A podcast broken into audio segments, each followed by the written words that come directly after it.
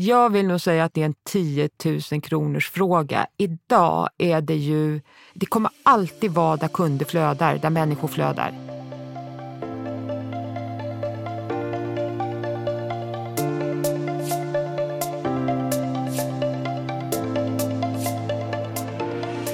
Hej och välkommen till Detaljhandelspodden avsnitt nummer 44. Och vi som pratar är som vanligt Jonas Arnberg och Magnus Olsson.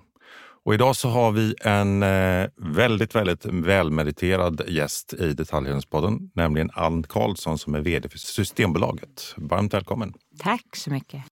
Innan vi sätter igång vill jag bara hälsa från våra vänner på e-boxen som är med oss och hälsar att eh, nu finns det ännu fler leveransboxar där ute. De finns nära där människor bor och visste ni att snart finns det lika många boxar som utlämningsställen? Kan ni tänka er?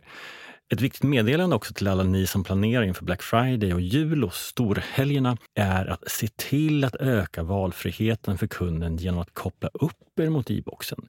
Vill ni veta mer så prata med ert transportbolag så säkrar ni maximal flexibilitet och eh, frihet för konsumenten i checkouten. Eh, ni kan också lyssna på avsnitt 28 av Detaljhandelspodden där kommunikationschef Marcus Trautman på e-boxen gästar. Eh, nu kör vi!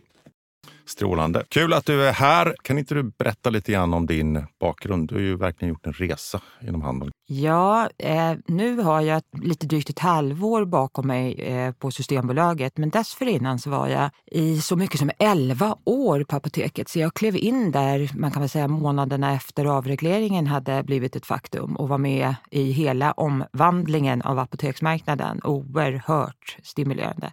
Och dessförinnan så har jag 15 år på ICA. Så man skulle vilja säga att jag är uppväxt och präglad och uppfostrad i ICA-kulturen. Och av ett liv i monopol. Förlåt ICA, eller i alla fall marknadsledare. Finns det en tanke där med att du var, tog över eh, apoteket när avregleringen var, var bestämd? Finns det någon, någon liten tanke om Systembolaget här eller är det en ren, ren slump? Den frågan har jag fått många gånger och det är ju inte något konstigt. Ja, det är en slump. Det är ett helt annat uppdrag detta.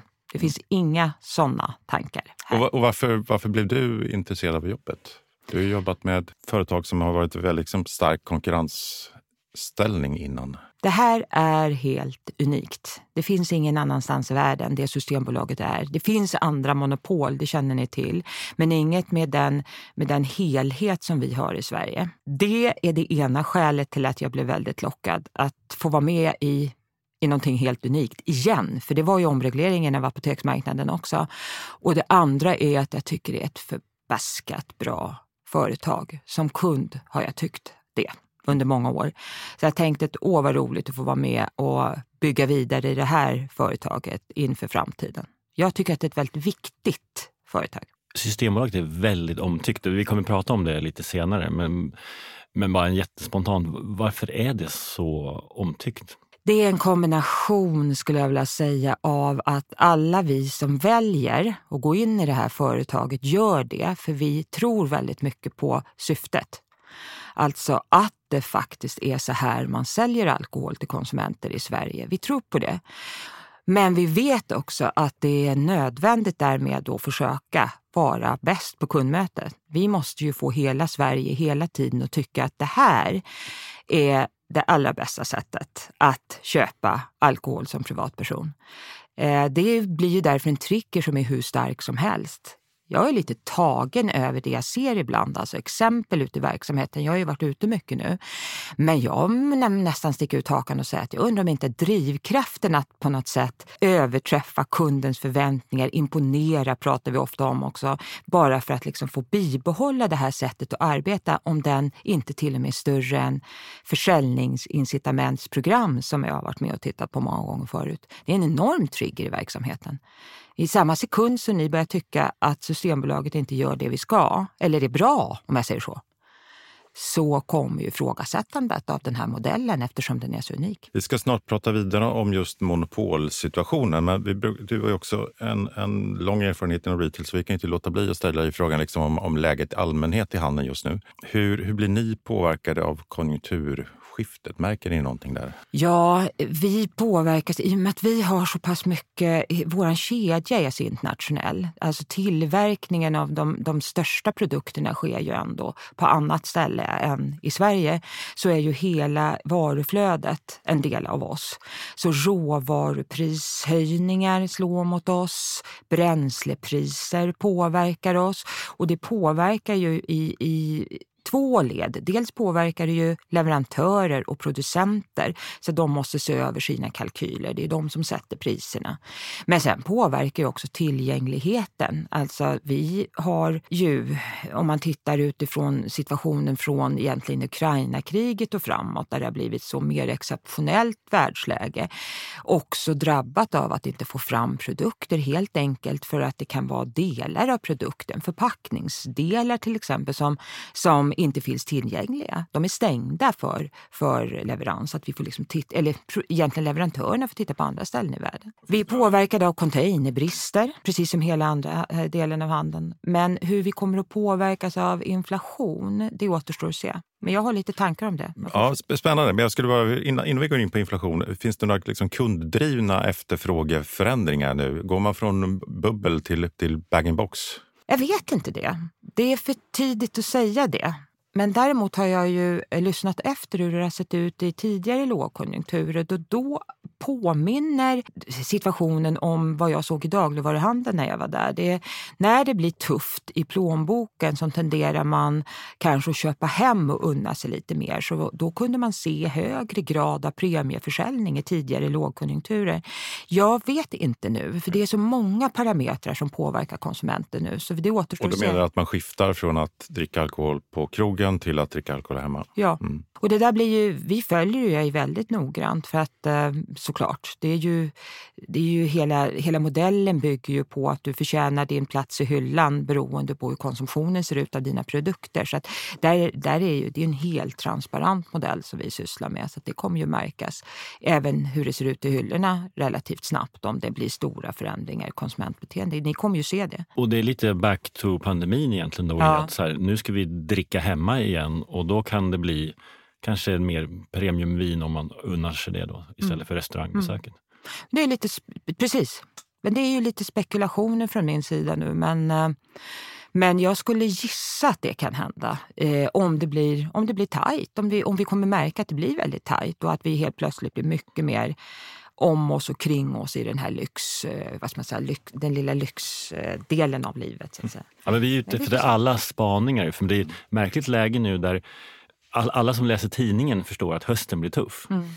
Eh, men vi går på restaurang, vi, eh, vi, vi, reser. Än så länge tycks ju inte konsumenterna börjat spara riktigt utan man festar på. Mm. Men snart ska ju de här konsumentens spenderande och liksom höstens verklighet mötas. Och Det mm. blir ju väldigt intressant att se vad som händer när nya räntehöjningar kommer. och så.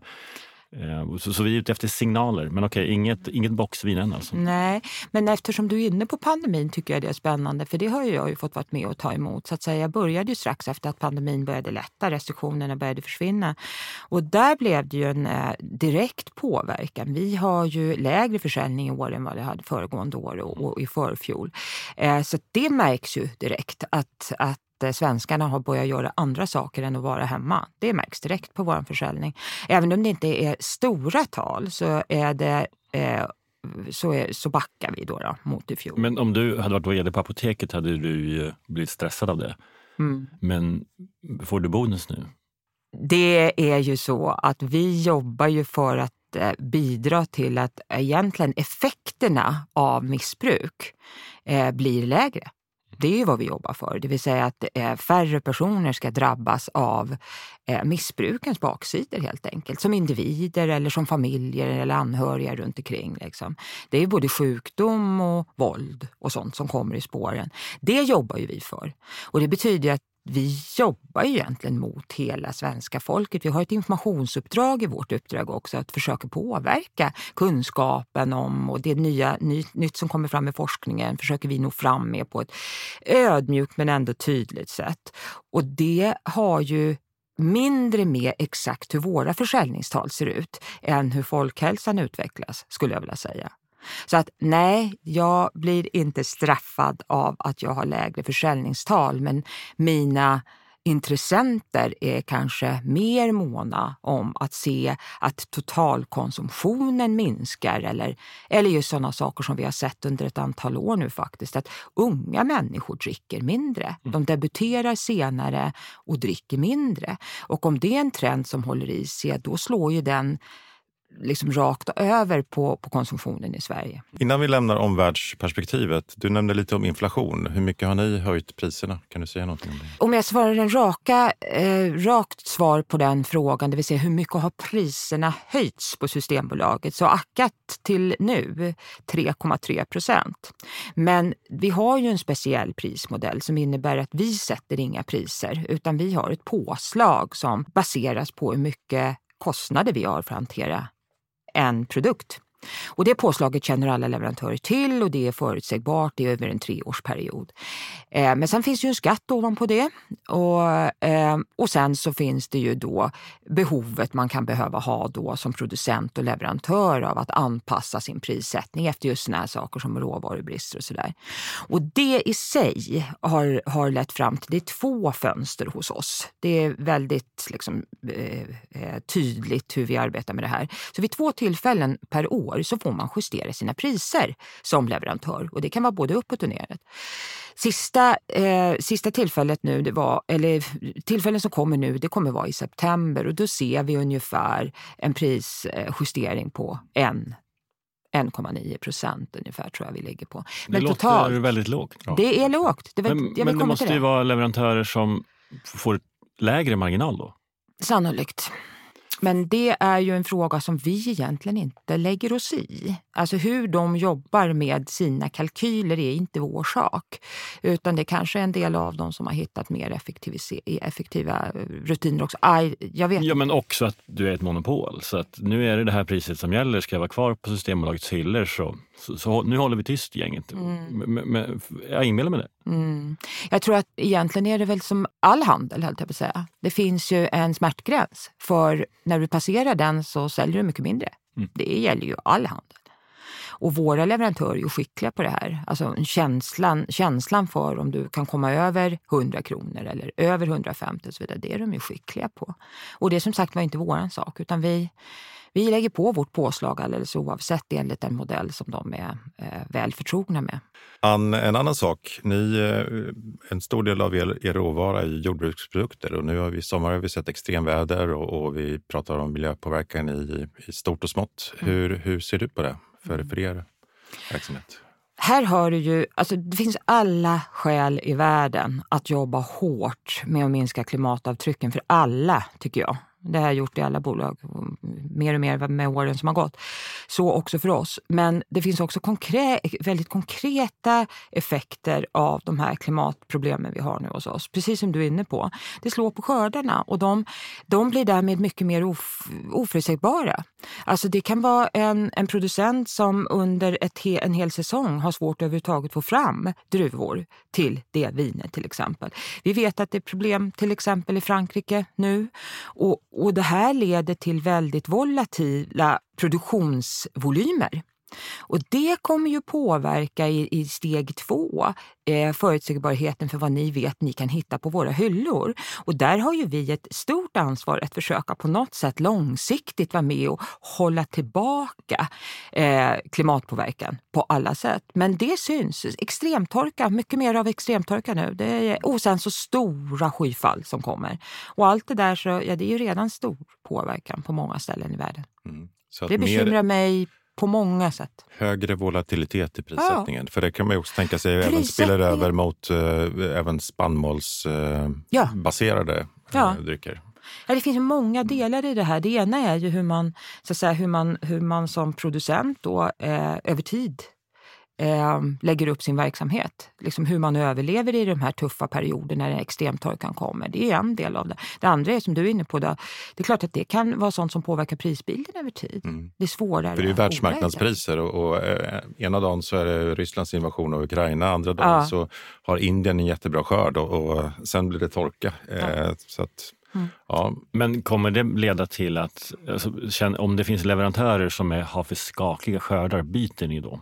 Ja, vi jobbar ju med en modell som är eh, som säga, vi byter inte från ett tillfälle till ett annat. Det är en jätte jättebra fråga, för just det här diskuterade vi faktiskt tillsammans häromdagen. Vad händer med kraven vi har just på volym för att ha den och ligga kvar där man ligger kvar? Och då har vi ju valt med på många sätt att för, försöka tillämpa ett lite bredare förhållningssätt till de här. Vi vill ju samverka med våra leverantörer och det här är ju ingenting som har någonting med, med leverantörens oskicklighet att göra eller producenten, utan det här är ju, det här är ju smärtsamma omvärldsförändringar. Så att vi jobbar hela tiden med att försöka hålla liksom en öppenhet för sådana här ny, nya fenomen skulle jag vilja säga. Vi diskuterade mycket här om kvällen i ett möte vi hade att eh, det här kommer förmodligen ställa om också en del av vår, eh, vårt sätt att arbeta. Vi behöver ju jobba tätt ihop med leverantörerna. Det är då vi kan ge ett bra erbjudande. Ann, som vd för Systembolaget måste vi bara få ställa några frågor till kring monopolet Absolut. och att liksom leva i, en, i den världen. Och vi var inne på det inledningsvis, men Systembolagets ordförande Göran Hägglund var ju social socialminister, säger man va? under alliansregeringen när man avreglerade apoteksmarknaden du klev då in som vd också. Nu jobbar ni ihop som ordförande och vd på Systembolaget. Är det, liksom, är det riggat för ett, att en avreglering även på alkoholmarknaden? Nej, det är det inte. Tydligt nej. jag ska inte tala för min ordförande, men jag talar för mig själv. Nej, jag tycker och tror att det är minst lika viktigt idag som någonsin att fortsätta jobba med det den alkoholpolitik vi har i Sverige. Ju närmare man är forskning och överhuvudtaget påverkan som sker eh, av alkohol eh, så blir man mer och mer trygg med den här modellen vi har. Vår modell syftar ju till att förbättra eller åtminstone främja folkhälsan. Eh, och det är därför vi finns. Och det man vet, det uttalas ju ganska tydligt av WHO, Världshälsoorganisationen också, eh, över hela världen, det är att det finns vissa saker som håller emot konsumtion tillräckligt mycket för att man ska se mindre skador på samhället. Och det heter ju bland annat tillgänglighetsbegränsningar. Det heter begränsningar eller förbud runt marknadsföring. Vi får ju absolut inte marknadsföra oss, det känner ni väl till. Och det, till, det har ju också med priset att göra, det vill säga hur beskattar man de här produkterna? Och det är inget konstigt för er. Vi vet ju, det här är ju motsatsen mot att driva försäljning, är ju att försöka eh, hålla emot. Jag har sett så mycket, jag vill bara vara rak och säga det, jag ser så mycket konsekvenser av baksidan av missbruk, inte bruk, men missbruk. Så att jag är mer övertygad än någonsin om att det här är ett otroligt viktigt verktyg. Sverige har ju eh, visat på att vi har mindre konsekvenser av missbruk än många andra länder. Så att det, har ju, det här är ett system som fungerar. Och den beskrivningen är väl också en av anledningarna till att Systembolaget är så omtyckt och respekterat. Ja. Eh, men med det sagt så finns det ju konkurrens. Alltså vi handlar vin idag från aktörer som Winefinder, Vivino och andra aktörer. Så i viss mån lever ju Systembolaget med konkurrens och det påminner lite om din tidigare resa med Apoteket och Apotea. Hur ser du på det? Det är jättestor skillnad. För eh, det har, vi har överhuvudtaget ingen avreglering på, monopol, eh, eller på alkoholområdet i Sverige. Vi, Systembolaget har ensamrätt på alkoholförsäljningen. Diskussionen nu kring just de aktörer du pratar om handlar ju om huruvida de bedöms sälja i Sverige eller sälja utanför Sverige. Det är ju det som är själva diskussionen. Men ensamrätten består. Det var ju precis motsatsen när jag klev in på apoteket, det vill säga då var avregleringen ett faktum. Och då fick vi in den typen av aktörer som skulle, det skulle ju öppnas upp för nya. Så är det inte i Sverige. Så jag ser en jättestor skillnad. Men, men det är ändå så att givet att e-handelsaktörers försäljning går upp och framförallt handlar det väl om vin. Mm. Eh, och Systembolagets försäljning av vin därmed, inbillar jag mig, går ner. Då till, till slut måste ju du hamna i ett läge där du måste öka försäljningen av vin. Hur ser du på den ja, vi kallar det inte konkurrens då, men det är ändå någon form av rävsax du sitter i. Bibehålla andelar. Du måste vara tillräckligt attraktiv för att liksom försvara monopolet. Och jag tror att du har de flesta på din sida här, men, men liksom, hur gör man det? Mm. Det är precis det som jag började med här. Det är ju självklart. Alltså, redan innan den typen av aktörer fanns i marknaden så finns ju många andra sätt som Sveriges eh, befolkning konsumerar alkohol på. Det är ju på krogen, det är ju inte minst eh, när du beger dig utomlands och så vidare. Så det har ju alltid funnits andra kanaler än Systembolaget. Eh, den men där finns det också andra regleringar runt om. Så att det, är ju, det är ju en viktig del för våran, när vi, när vi så att säga, envetet försöker jobba med just frågan om det här med ensamrättens, ensamrättens krav. Vi har ju jättehårda krav på oss själva, utifrån såklart, men inte minst inifrån, med att bedriva ansvarsfull försäljning. Ta legitimation, aldrig någonsin sälja till någon under, under 20, aldrig någonsin sälja till någon som är berusad. Det finns åtskilliga knep som medarbetare ute i butikerna har för att liksom märka, är faktiskt kunden som är här inne berusad genom att börja prata lite smått med dem. Eh, då säljer vi inte. Eller när vi misstänker langning. Så att mina medarbetare gör ju enormt stora sociala insatser utöver att bidra med mycket kunskap om, om eh, drycker liksom i kombination med mat och sådär som ni säkert har tagit råd kring. Det där är ju en del av ensamrätten. Och då menar jag på att, eh, men, men vi har ju behövt i alla år få svenska folket att tycka att det är ett bra ställe att handla alkohol på också. Utöver det här med att vi håller kontroll och att vi, att vi försöker hjälpa till och, och minska det som inte är bra runt alkohol och alkoholmissbruk. Och det är samma sak, det är oavsett vad, liksom, vad det kommer ifrån tycker jag, så handlar det om att vi ska vara på tårna i kundmötet. För det ena är ju mötet där ute eller mötet i kundtjänst, att liksom ge lite mer. Vi ger ju ofta mycket tips om mat i kombination med dryck. Väldigt ofta om någon vill ha lite hjälp och inte veta vad de ska hitta så föreslår vi olika alkoholhalter också sådär. och alkoholfritt givetvis. Så att vi är liksom med och påverkar där. Ja men ni är fantastiska. Ni har ju de sannolikt, respekt för alla andra där ute, men de, den bästa servicen av alla. Ja, men, men, den, den dag inte ni tycker det räcker, det är dit jag vill komma. Den dag ni inte tycker det räcker, då är vi farligt ute.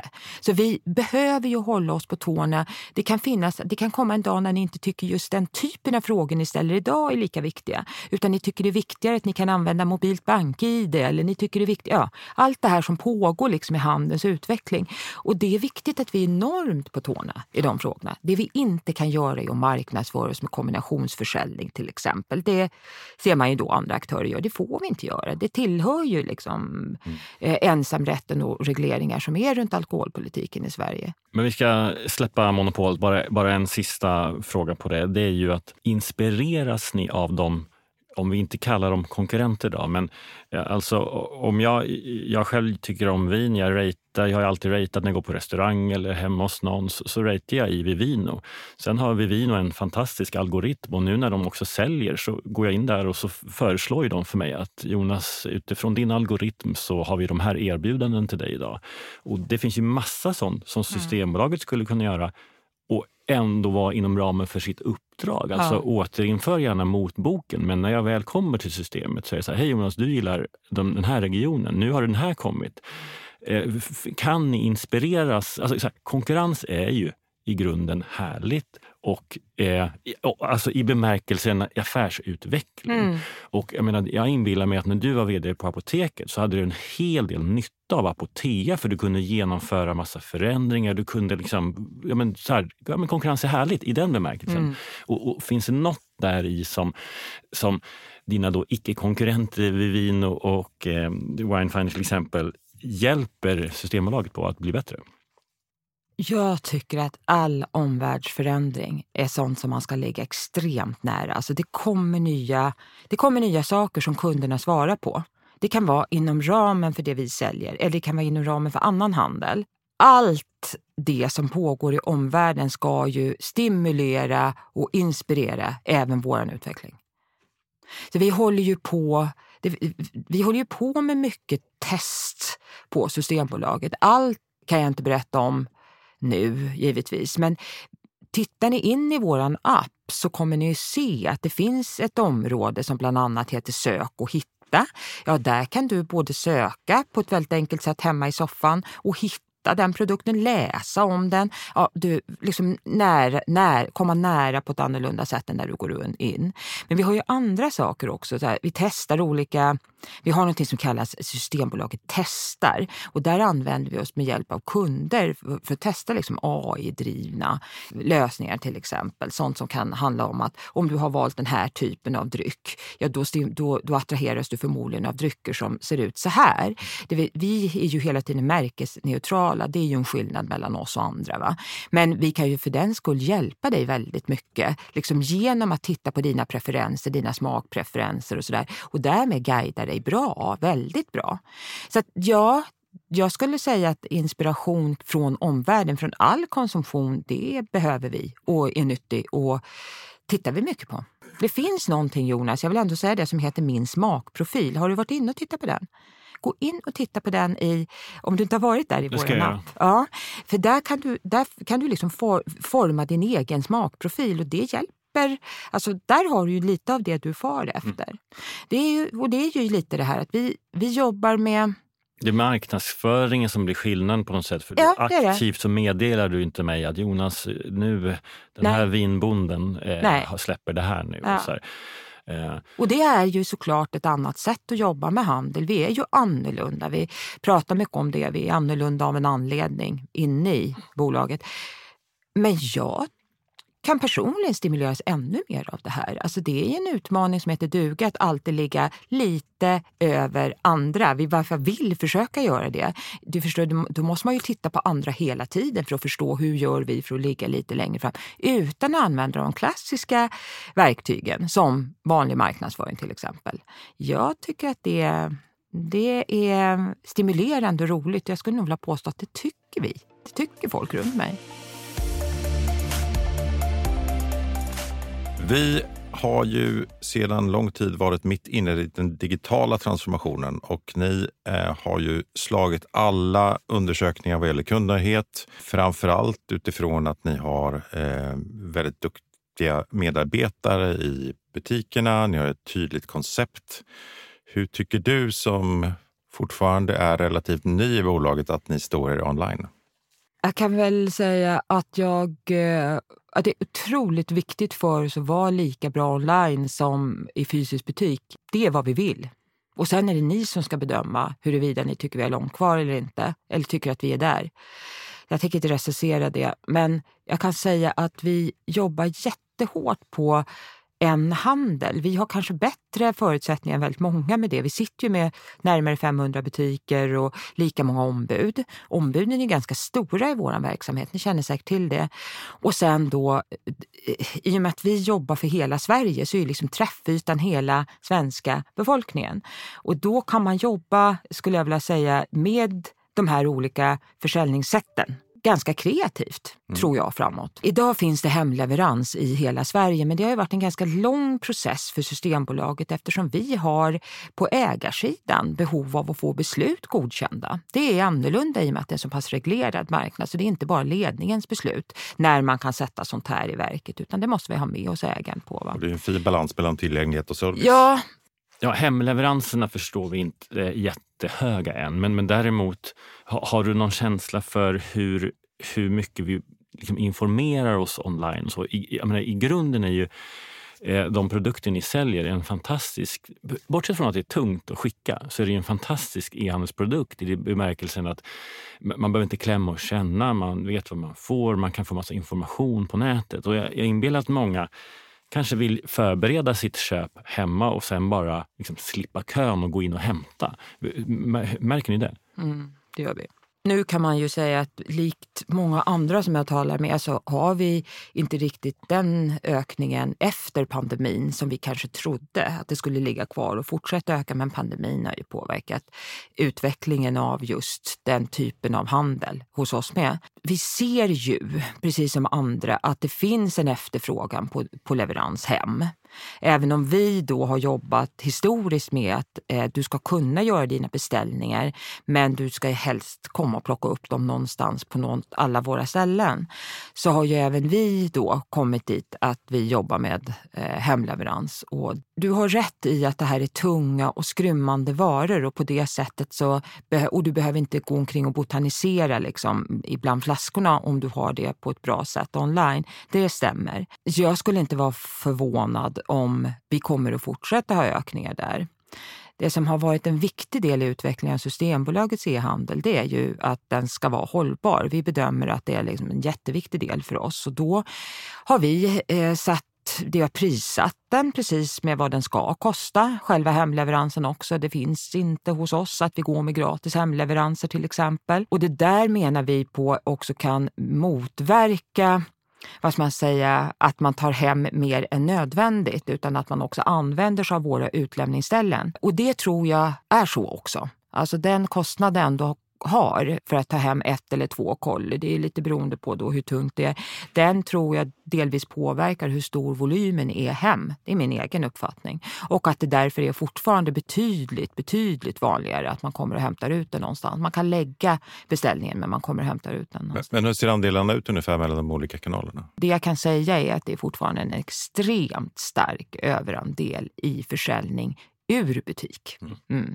Alltså en vanlig traditionell beställning. Men, och, och där är ni ju liksom som kedja då kanske lite efter om man tittar på sto, den stora detaljhandeln. Men å andra sidan, det vi ser nu är ju att trenden är ju att ha butik, alltså så att e-handlare med marknadsföringskostnader som går upp med kanske leveranskostnader som går upp som du säger, för mycket har drivits av riskkapital och så, så, så kanske man tvingas att ha butik för, eh, i en del i sin e-handelsstrategi. Ja. Så det är kanske är bra att vänta länge för då, nu kommer ni kunna ha ett bra samspel mellan nät och butik eftersom just det är så himla tunga grejer som man vill hämtare. Systembolaget kanske är lite före marknaden här. Igen. Ja. har väldigt bra fysiska butiker. Men, men om vi bara pratar ur ett rent retail-perspektiv, för du har ju erfarenhet från många områden. Hur ser du på den fysiska butikens roll mm. kontra mm. nätet? Jag är helt säker på att den fysiska butiken måste leverera på någonting annat i framtiden än bara att ha varor på hyllorna. Det måste finnas någonting, det måste hända någonting mer där. Och det, har jag, det tycker jag har fått bevis för under många år tillbaka nu en, vi gör ju det på Systembolaget, det måste jag säga. I varje fall när vi frågar kunderna så är det ju väldigt tydligt att vi är en experthandel med liksom spets i och med att vi även pratar mat och dryck. Vi ger ju lite mer än vad ni egentligen tänker er att ni ska få när ni kommer in. Det där tror jag vi måste fortsätta att ladda på på flera sätt. Många butiker gör ju en, del, en hel del saker lokalt. De har provningar, jag vet inte om ni har sett det, men de har provningar. Dels har vi ett antal butiker som faktiskt erbjuder provningar så du kan lägga en beställning, gå in och ha en provning med ditt kompisgäng. Men sen så har man ju också provning alkoholfritt i butiken eller, eller intressanta liksom ställer upp och berättar lite grann om eh, hur jobbar vi här lokalt i samhället. Vi har många butiker som jobbar nära, nära skola, eh, polis, föräldraföreningar och sådär för att man på något sätt liksom visar på att ja, men det här är det, det lokala engagemanget som vi gör. Jag tror jättemycket på det framåt. Butikerna måste ha en Eh, måste ha en roll där man, om man inte inspirerar, åtminstone levererar någonting annat än bara vara och pris. Däremot så tror jag, och det, du var inne på det tidigare, att vi kanske har en fördel då att inte har sprungit på onlineutvecklingen fullt lika snabbt som man har gjort i vissa andra branscher. Det är till exempel det här med fria leveranser hem. Det är väl kanske ganska många av oss idag som börjar se att det, måste, det där måste göras på ett annorlunda sätt. Vi kan inte bjussa på det för det blir feltänk rakt igenom kedjan. Och, och, det har ju Systembolaget så att säga inte behövt göra om jag ska tala rakt ut. Och det tror jag gagnar oss nu att jobba med. Ja, men det, vi måste kunna titta på andra sätt att leverera ut bara en bil som kommer körande till en konsument. Det har vi slitit med i alla branscher. Eh, det, slet jag ju med i min gamla bransch också. Men där är ju, som sagt var, ibland är det bra att vänta lite grann. Men jag tror, och det diskuterar vi mycket eh, idag, att eh, det är lite grann ett skifte också med konsumenter som är liksom minus 40 eller minus 45 då, vad man säger, men unga människor under 45 som i stort sett alltid är digitala och kanske har delvis ett litet annat sätt att överhuvudtaget handla, inte bara på Systembolagen. Så vad är det? Man kan väldigt mycket när man kommer in. Man frågar inte på samma sätt. Man frågar om andra saker om man frågar. Man vill att det ska vara enkelt och geschwint och sådär. Även, även vi ska ju svara på de trenderna. Och det, vi tittar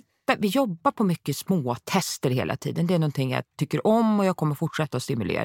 Det är småtesta. Vi småtestar differentiering till exempel. Hur mycket kan vi differentiera för på det sättet både få ihop olika, olika butiker faktiskt som ska kunna liksom bistå med olika saker. Vi sitter ju på hela produktutbudet i Sverige. Det är svårt att få in det i alla butiker. Så nu tittar vi på om vi kan liksom, om butiker nära varandra kanske kan komplettera varandra. Och i det är ju nästa sätt att dra ut det, det är ju att se hur kan hur kan online-mötet också vara med och komplettera det? Men det finns inte att inte också Systembolaget ska vara lika bra online som ni upplever att vi är i butik. På det temat när du ser butiksnätverket framför dig, så, hur, hur fungerar sortimentet? Är det samma sortiment ungefär till alla systembolag eller anpassar ni utifrån efterfrågan? Hur, hur, ser det jobbet ut? Det finns ju en, eh, en del av det vi sysslar med är ju det här lokalt och småskaligt som ni säkert känner till. Det har ju varit någonting som Systembolaget har jobbat med ett antal år nu. Alltså syftet är ju att kunna plocka in lokala producenter på den lokala butiken för att, liksom, för att sälja deras produkter eftersom de inte får sälja på något annorlunda sätt. Och och säljer de bra där, ja då kan man skala upp det lite större. Säljer de väldigt bra så blir det ju såklart en produkt som ska in i, i flera delar av sortimentet. Så ja, det ser olika ut. Samtidigt är det ju det kanske viktigaste vi har haft genom åren eftersom vi ska då sälja allt sortiment, det är ju att du också kan lägga beställningar. Det finns väldigt mycket beställningsbart, det har ni säkert gjort tidigare och det gör ni säkert nu också. Och det är ju på produkter som inte är volymprodukter. Det är enormt viktigt för oss att inte bara sälja på volymprodukter utan vi behöver ju på något sätt, vi ska, vi ska vara märkesneutrala och stimuleras ju inte, drivs ju inte av försäljning. Så det betyder att vi ska ha utbudet på det ena eller andra sättet till er. Och, och med det sagt så är det väl, nu kan jag inte exakt, men ni har ju väldigt fin statistik på er hemsida. Det är otroligt. Mm. Och den liksom billigaste vinboxen säljer typ dubbelt så mycket som den näst billigaste och då kanske det är 50 öre som skiljer. så, så att, eh, mm. Det blir ju lite volym där. Alltså. Men jag har en fråga, för att ni, ni är ju en, den dominerande aktören såklart eh, och ni har ett uppdrag och uppdraget är både ett samhällsuppdrag men också liksom att skapa den här kundnöjdheten och följa trender till exempel. Men hur mycket, hur mycket driver ni trender kontra följer trender? Alltså, det är ju en balans där också. Mm. Vad tror du? Ja, men det är en bra fråga. Jag tror inte vi driver trender egentligen. Vi gör ju, vi går ju, det tror jag inte vi gör, utan det sker på andra sätt. Eh, däremot så, och, och, det är lite som jag var inne på tidigare, vi, vi behöver ju förstå tecken i tiden. Tittar man på, det tycker jag är lite intressant som satte mig in i historien nu på att vi var ju en gång ett land som, som drack vodka och brännvin.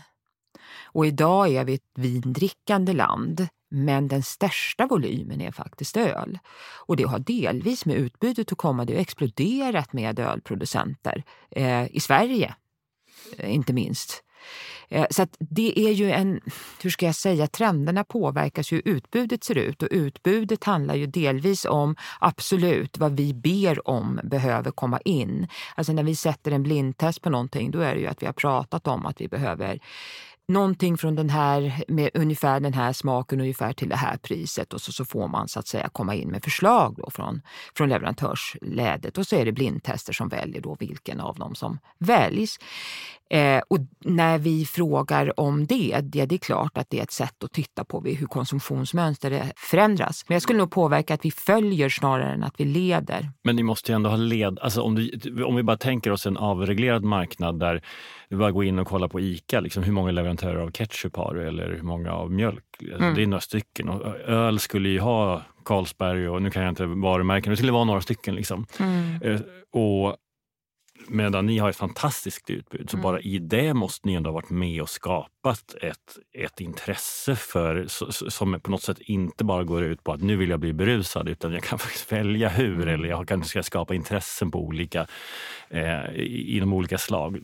Det, det måste ni ändå ha gjort. Ja, men där är ju, och där är ju just en modell. Och den, den, så vitt jag förstår när jag följer upp lite grann och, och tittar på det så har ju det på något sätt gått hand i hand. Det är det jag sa tidigare, att det är så viktigt att vi, ligger, att vi har ett bra samarbete hela tiden med leverantörer och förstår produktionen i nästa skede och sådär. För att det har ju blivit, det har ju utvecklats över tid på något sätt gemensamt. Att man ser att det är fler och fler som är intresserade av, öl, eh, av ölproduktion i Sverige. Hur ska vi i sådana fall göra? Det här blir svårt. Vi får inte in allt det här på hyllan.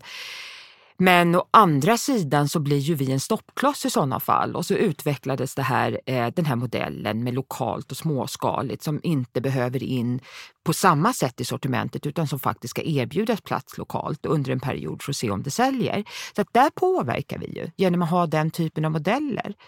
Eh, definitivt. Vi, ja, nu tar jag det för att det är min egen uppfattning men jag tror inte att det hade funnits en chans att vi hade haft så här många småproducenter, framför allt av öl men även av vin och, och till och med sprit, om vi inte hade haft Systembolaget. Nej, det väl bara gå in på Icas hylla återigen och kolla på ölutbudet där. Mm. Men du, här, på tema vad, vad, saker man kan sälja då utan att öka försäljningen av alkohol. Det finns, ju mass, det finns inte så mycket annat att köpa i systembolag. Mm. Varför finns det inte merge liksom? Och, jag skulle gärna ha en systembolag-t-shirt. Eller, eller annat, så här, flaskor, eller alltså karaffer eller Mm. lite mer eh, roliga eh, vinöppnare och sånt. Får ni inte göra det? Eller hur? Ja, det är en balansakt om man säger så. Vi säljer ju, vi säljer ju alkoholfritt. Alkoholfritt är ju inte en reglerad vara. All alkoholfri försäljning kan ju andra sälja också.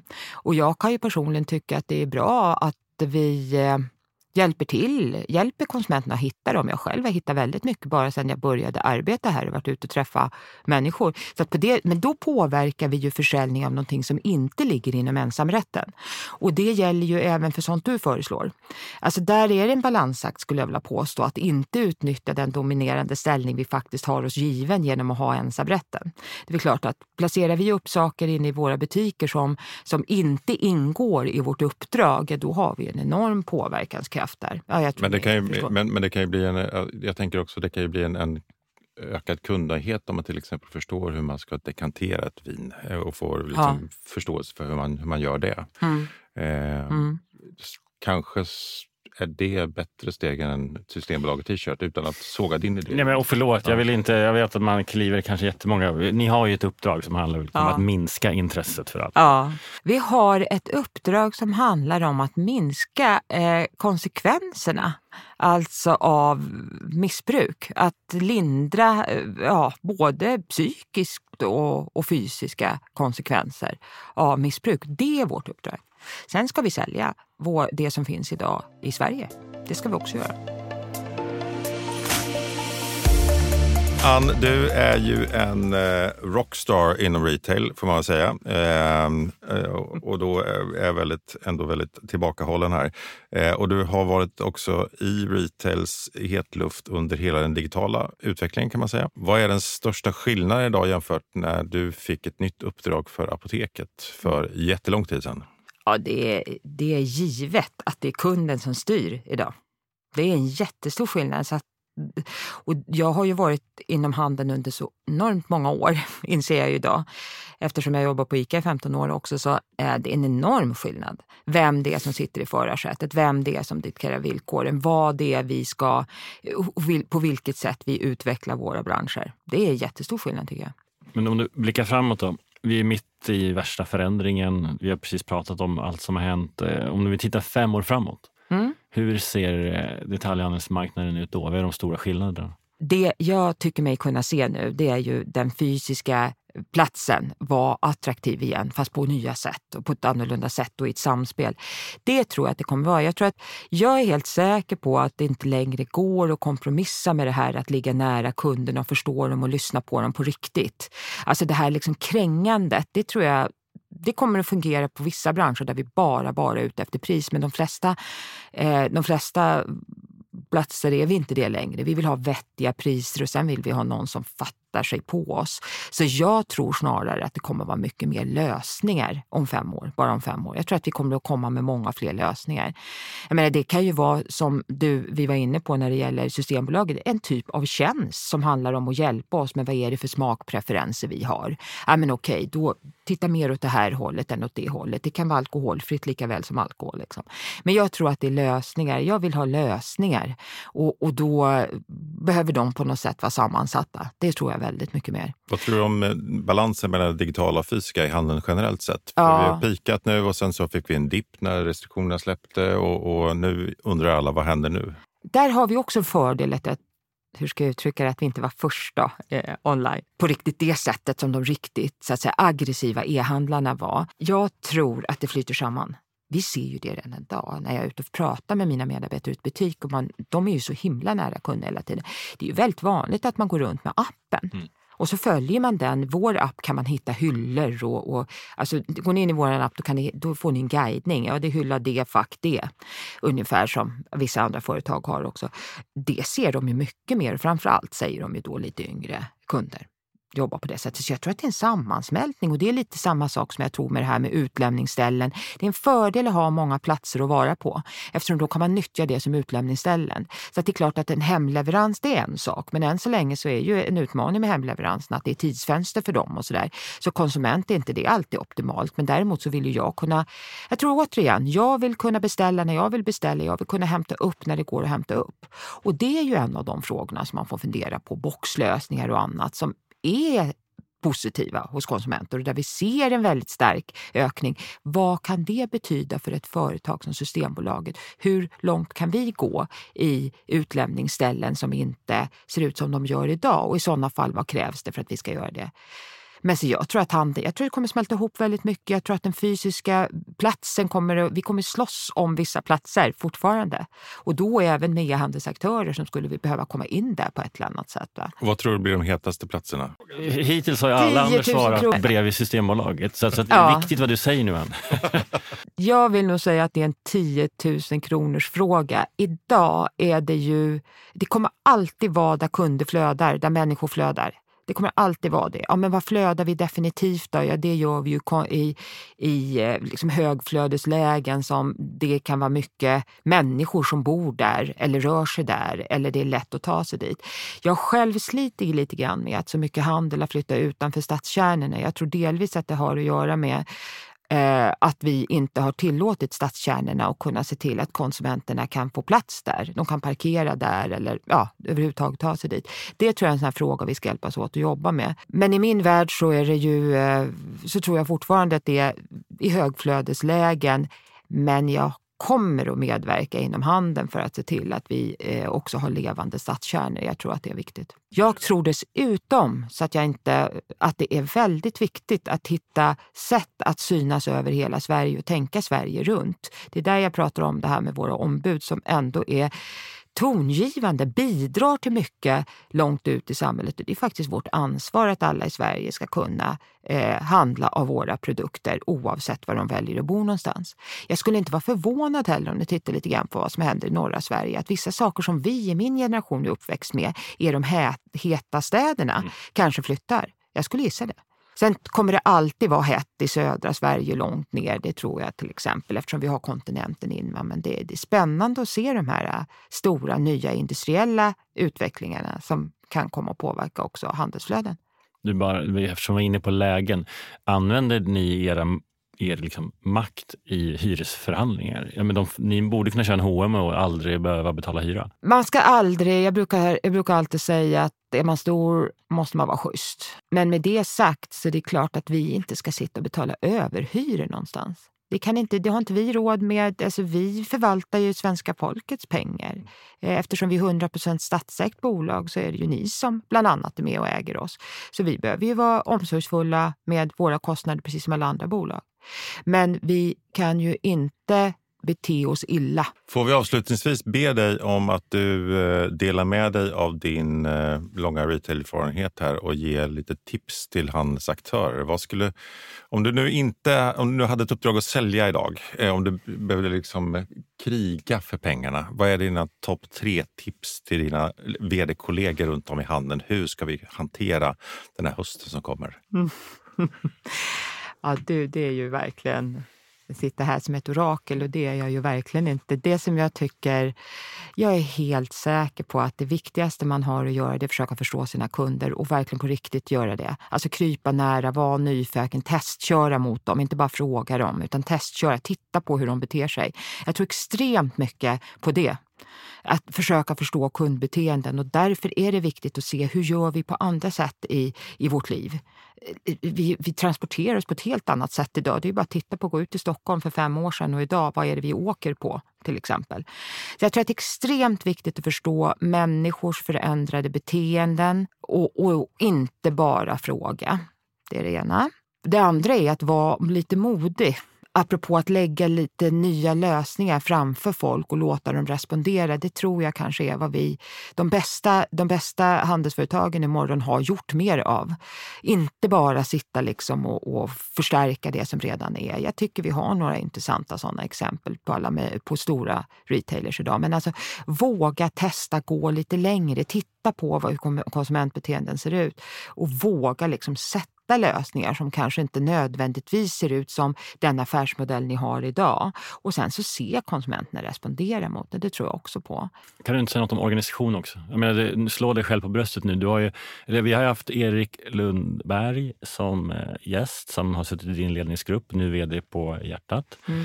Vi, har, eller vi hoppas ha Victoria Glans som också har suttit i din ledningsgrupp och som ju är vd på Hjälp mig eh, på live. Hur jobbar man med en organisation eh, som måste förändras? Jag ska inte slå mig för bröstet för ungefär det värsta jag vet. För jag vaknar varje morgon och tänker mer på vad jag inte har gjort än vad jag har gjort. Och det, det kanske är någonting att skicka med framtidens ledare. Håll för sjutton inte, liksom, sitt inte och bli mätta. Sitt inte och tro att ni har löst, löst någonting för det är liksom en ny dag imorgon och då kan det vara något annat. Så det är väl någonting jag vill skicka med. Var extremt nyfikna och, och liksom varje dag är en ny dag tycker jag. Men så måste man se till att man har bra folk. Jag jagar mycket på bra människor, det ska jag vara rak och säga. Det, det har jag gjort ända i början av min karriär. Första gången jag blev chef så tänkte jag det här går inte, jag kan inte det här. Och det har ju varit så hela min karriär. Att jag har aldrig varit den bästa liksom, experten på det område jag tagit in. Så jag har ju behövt bra folk runt mig. Men jag ger dem också rätt stort utrymme. Och Det betyder att jag är lite stolt idag. Att jag ser att många som jag har jobbat med kliver vidare och tar jättefina uppdrag och gör strålande jobb. Du har ju varit inne på några sådana namn nu. Men det är ju allt. Ha rätt människor nära sig som också är nyfikna och tycker att det är spännande och inte sitter med alla svaren utan har mer frågor i sig och liksom letar och, och försöker testa och göra nya saker. De här personerna som du pratade om nu, de är sådana. Jag har ett gäng till som jag har jobbat tillsammans med som har gått vidare och gjort bra karriärer och alla de, ingen av dem har varit högmodig, Eh, alla de har ständigt liksom funderat på vad det var de skulle kunna göra annorlunda imorgon. Alla har varit enormt kundfokuserade. Vi har ju byggt kundresor i, mina, i de bolag jag har varit och det har ju krävt då att även stabspersoner som kanske jobbar administrativt också måste ge sig in och tänka hur ser våran kundresa ut och vad händer när man kommer in i butiken. Jag tror jättemycket på det. Och du måste få hela organisationen att förstå att det är liksom, utan att vi har eh, ett bra, en, en bra reaktion från kunden så är vi ingenting. Det kan gå jättefort. Det finns liksom ingen institution, inte ens ett, ett företag som har ensamrätt som vi, som överlever om man inte är enormt liksom angelägen om att tillmötesgå kunden eller egentligen överträffa hennes förväntningar. Ann Karlsson, vd på Systembolaget. Det här var ju otroligt lärorika sista ord också, men överlag väldigt eh, trevligt att ha dig med. Jättekul att komma hit. Stort tack och eh, snart är vi tillbaka med ett nytt avsnitt. Eh, innan vi slutar så vill jag återigen påminna om att Detaljhandelspodden går live den 25 oktober på Filmstaden Hötorget, vilket vi ser fram emot något fantastiskt mycket att få träffa er alla. Vad, vad, vad ska vi göra, Magnus? Ja, eh, vi kommer att eh, försöka diskutera oss igenom vart vi egentligen är på väg någonstans. Vi eh, har ju i flera avsnitt nu pratat om hur handeln och utvecklingen i konjunkturen står och väger och vi ska prata med kloka människor om det. Och eh, i linje med det kommer vi också såklart prata om eh, e-handel kontra fysisk butik. Vi kommer att prata om eh, vad som faktiskt har varit vinnande koncept under tidigare lågkonjunkturer. Och vi kommer också göra lite spännande spaningar och scenarios framåt. Yes, här har vi ju ett tänk genom hela dagen som börjar 9.30 och slutar 15.00. Mm. Och som sagt, vi kommer med oss gäster också som ni, som ni känner igen från podden. Bland annat Emma Hernell, vd på HIV. Vi har Jakob Wall, affärsutvecklingsdirektör på eh, Axel Jonsson, Nick Stagger, en jävel på e-handeln, numera på Nordiska galleriet. Och inte minst Ola Nevander som är en av Sveriges mest pålästa nationalekonomer som kommer att prata om varför vi är där vi är rent ekonomiskt och vart vi med viss sannolikhet kommer att landa. Boka den 25 och gå in på våra sociala kanaler för att boka en plats. Exakt, det kommer finnas länkar där eh, inom kort och eh, där når man också eh, programmet i detalj. Ännu mer information kommer. Stort tack för idag. Hej! Hej!